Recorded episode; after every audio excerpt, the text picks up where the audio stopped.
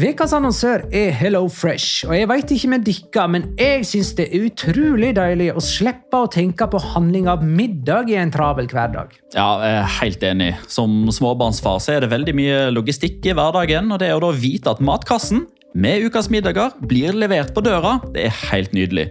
Da slipper du impulskjøp på butikken når blodsukkeret er lavt, og når du kommer hjem, kan du bare ta ut posen med dagens ingredienser fra kjøleskapet og sette i gang matlaginga. Ja, Du kan velge mellom 25 ulike retter hver uke. Og de har faktisk en egen kategori som heter Raskt og enkelt, med masse enkle og gode oppskrifter. Veldig greit å ikke måtte ty til takeaway hver gang det er hektisk på jobb. Jeg gleder meg spesielt til sterk chilikylling i min neste kasse. Jeg blir sulten bare av å tenke på det. Ja, Det er ikke feil med bacon og cheeseburger heller, da. Og det som også er bra, er at matkassen koster det samme hver uke, som gjør det enklere å holde matbudsjettet. Ja, og så blir det ikke matsvinn heller, fordi du får akkurat det du trenger til hver eneste rett. Hello Fresh kan absolutt anbefales, og bruker du koden vår, LIGALOCA, kan du få opptil 1779 kroner i rabatt på de fem første matkastene hvis du ikke har prøvd Hello Fresh tidligere. Du kan også prøve koden hvis du har avslutta abonnementet ditt for tolv måneder siden eller mer. Gå inn på hellofresh.no og bruk koden LIGALOCA. Bon appétit! Hallo? Jeg kommer fra Oslo politikammer. Ine Jansen er purk. Er du purk? The motherfucking bitch. Alt jeg vil, er å finne ut hva som skjedde med mannen min. Jon Carew. Er jeg sikta for noe? Iben Akeli. Det er du. Ole So, Lars Berrum og Big Daddy Karsten. Hvem sin side er du på, egentlig? Anette Hoff, Tone Danielsen, Kommer du fra Afrika? Jørnis Josef, Nesten. Kløfta. Trond Espen Seim. Det er synd å si det, men det var feil mann som døde. Purk. Premiere tirsdag på TV2 Play. Har du sett? Fire mil fra den norske eksklaven Torrevieja, der ligger Elche. Der hersker en argentiner ved navn Christian Bragarnik. Der ligger en miniatyrutgave av Santiago Bernabeu. Og der bor hele Spanias bestefar. Elche, Elche, Elche.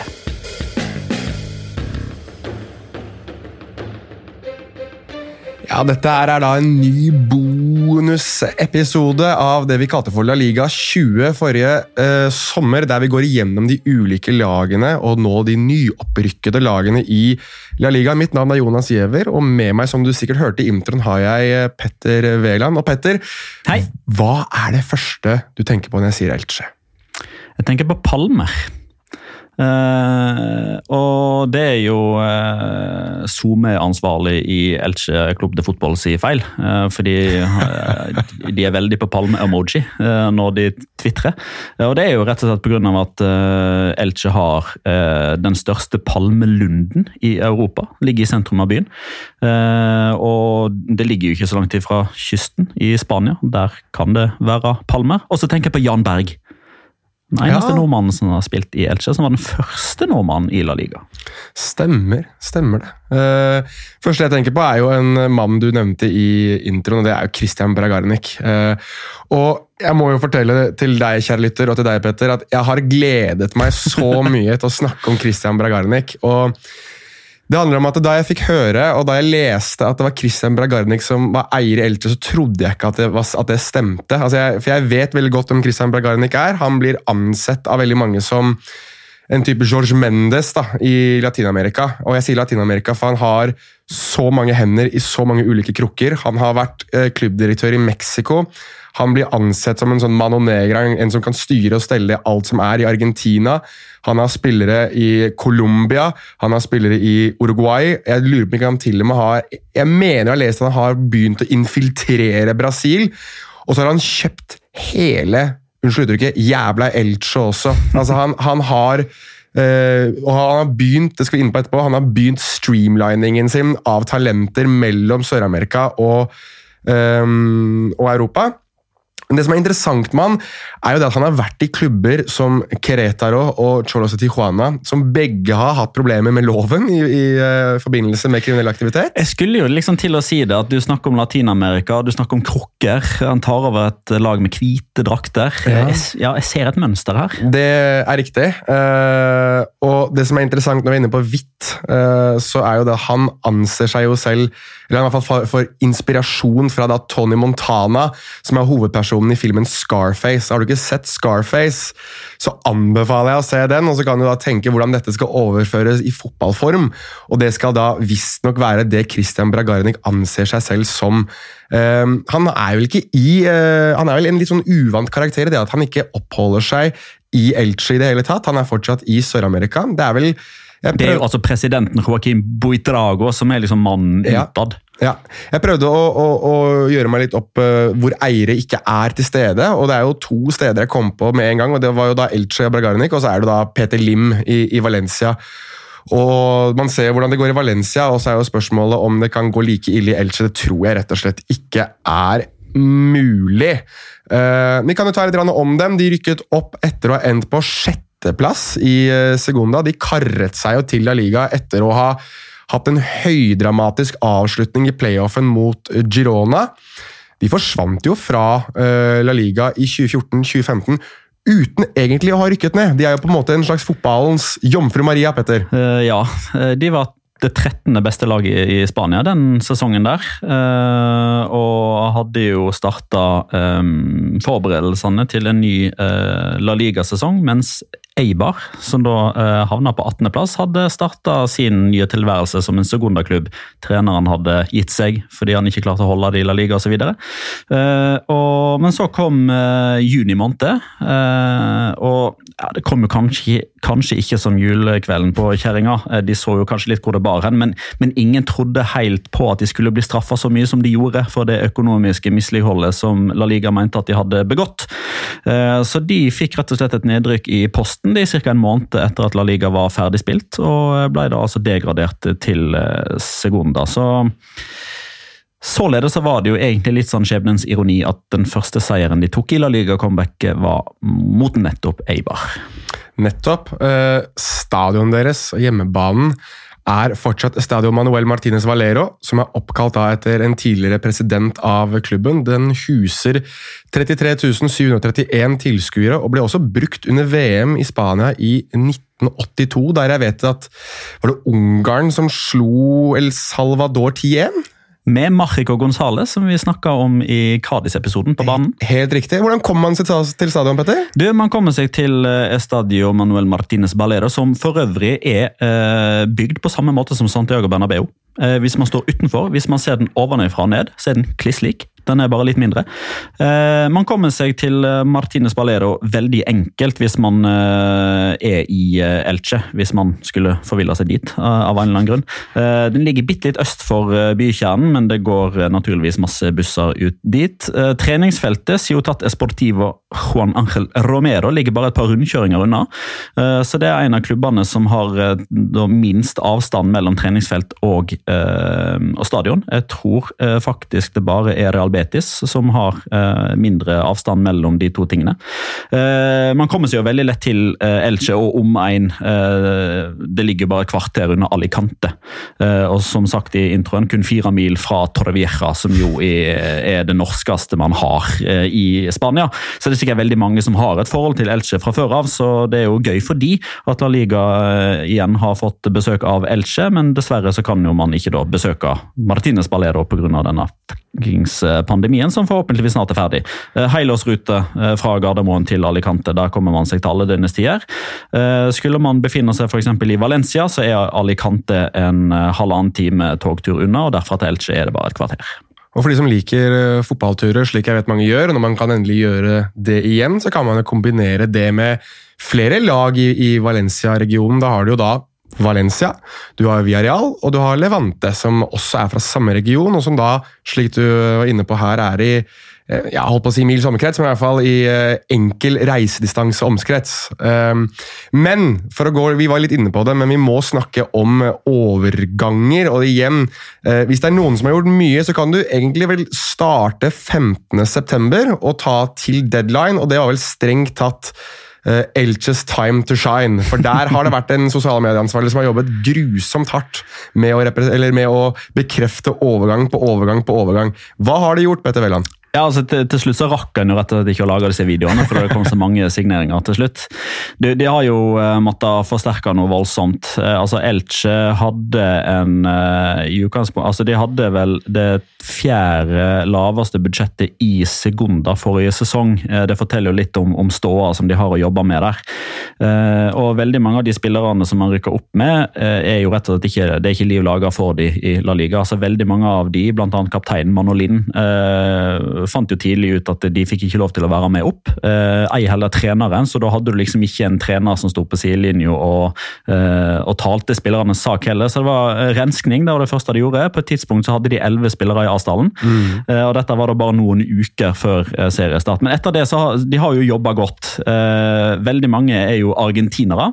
Eh, jeg teller seks i antallet som har kommet inn. Nye argentinere. vi kan jo bare ta det kjapt. Juan Sanchez Minho. det er Lucas Boyer som ble matchvinner da, i den kampen mot eh, Eibar. Eh, du har Guido Carillo, som jo er et ganske kjent La Liga-ansikt nå, etter to år på lån i Leganes. Du har eh, Rosa Rodriguez, som kommer til å være reservekeeper. Du har Ivan Marcone, som er et rivjern på midtbanen. Og så har de faktisk klart å lande en ganske stor fisker, altså. De har slept den ikke over Atlanteren, men fra Russland og Zenit. Emiliano Rogani.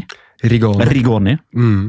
Og det er uh, Emiliano Rigoni for en del år siden. altså Han var jo mye altså Om ikke han var i argentinsk landslagstroppe, jeg lurer på ikke han var det òg, jeg. Ja. Uh, og har vel spilt for Argentina, hvis jeg ikke husker helt feil, men han var koblet til store klubber. altså. Uh, men problemet den gang, og det var jo da Jeg husker ikke hvor han skulle fra, men jeg husker at det var så mye problemer med agentene hans, og det tror jeg ikke på det, var Bargarnik på det tidspunktet der. Men det var det at klubben hans ville ha én sum, og så ville agentene ha en annen sum. og Dette var på det tidspunktet tredjeparts eierskap virkelig var i vinden, sånn hvor folk ikke ville røre det. Men så er det jo gjerne sånn at eh, når russiske og ukrainske klubber, som man så bl.a. Med, med Brasil, når de kom på banen, så klarer man på en måte å forhandle ned summen. Eh, og da var det enkelt å gjøre. Eh, eller enkelt, sier jeg, men lettere. lettere å gjøre. Dette var tidspunktet bl.a. Emanuel Mamana for eksempel, gikk til, til Zenit. Det var sånn streamlining av, mm. av spillere opp til, til, Russland. Men du er inne på Juan Sanchez Minho i sin tid var ansett som, som arvtakeren til Juan Roman Riquelme i, i Boca Juniors én sesong, og neste sesong så spilte spilte han venstreback og har liksom siden egentlig ikke hatt noen posisjon. Uh, Guido Carrillo er du inne på. Ivan Marcone er uh, Hadde du sagt til meg for tre år siden at Ivan Marcone var på vei til, til en klubb i La Liga, så jeg tenkte at det her er spennende.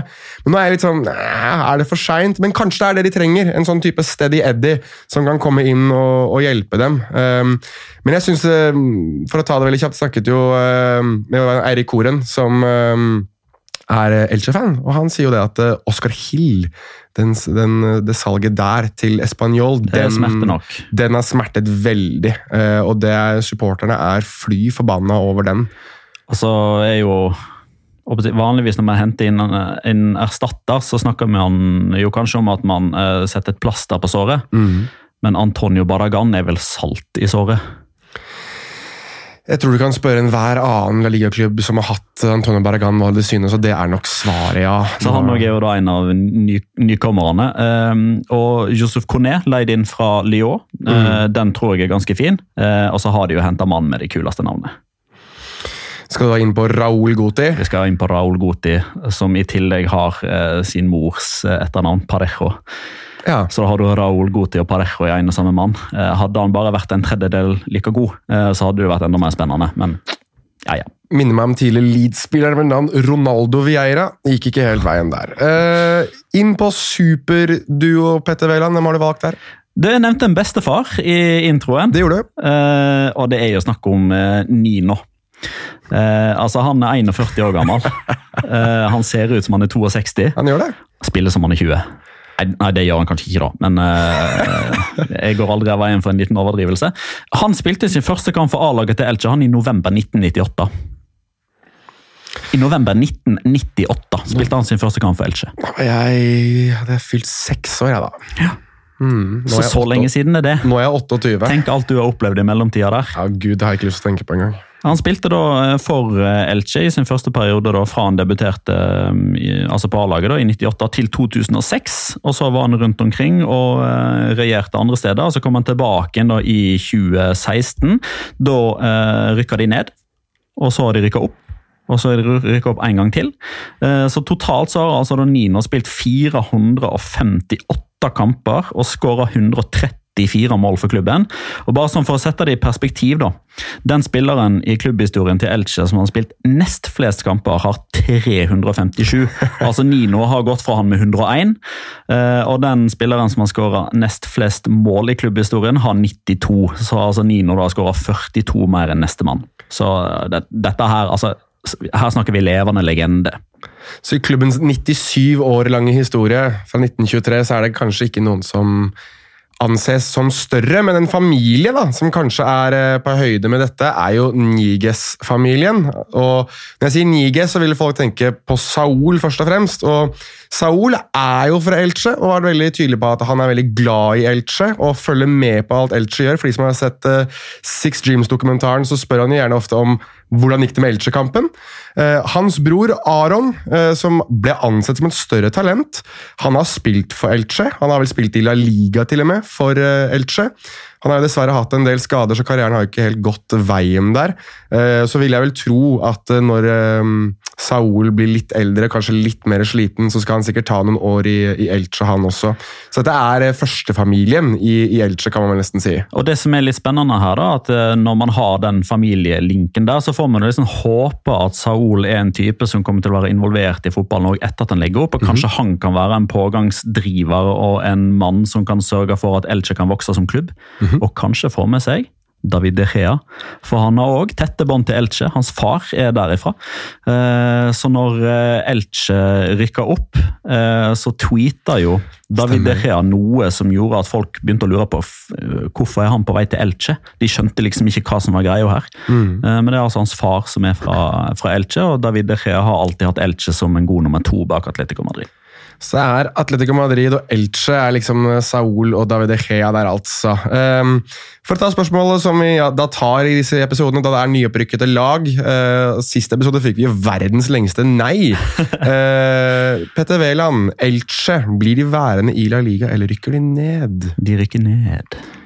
Da er vi faktisk enige her òg. Jeg, jeg, har jo, jeg må jo si, da at når jeg ser en del av de spillernavnene som har vært spillere jeg på en måte har forelsket meg i, de har vært i Argentina og Kanskje ikke så glad i ikke så glad i Christian Bragarni, kanskje, men når jeg ser typer som Marcone, som Carrillo, spesielt Juan Sanchez Minho og, og Lucas Boyer, som i sin tid selvfølgelig som alle River Plate-angripere blir liksom hauset opp til det neste store. og det er, Dette er David Trezeguet, dette er Ariel Ortega dette er, altså, Det er ikke måte på. Så er det jo en del av meg som håper at jeg tar feil, men jeg tror de rykker ned. Jeg, jeg håper Elche holder seg. For jeg syns argentinere i La Liga som på generelt grunnlag er veldig morsomt. Enormt med profiler opp gjennom årene. Eh, Og i da, min egen klubb. Altså, av de største, tre av de største profilene der. Martin Palermo, Juan Pablo Sorin, Juan Roman Riquelme. Og de skal vi ikke snakke noe mer om, men noe vi skal snakke mer om Ja, Vi må hueske på å ta den episoden. Vi må hueske på å ta den episoden. Og for de som ikke har skjønt det, neste episode, da skal vi til Aragon. Der venter Huesca. Vi høres da. Ha det godt!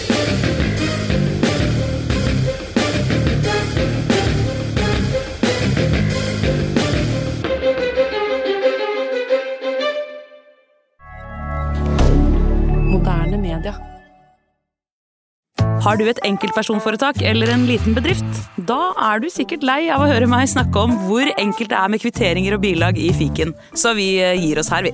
Fordi vi liker enkelt. Fiken superenkelt regnskap.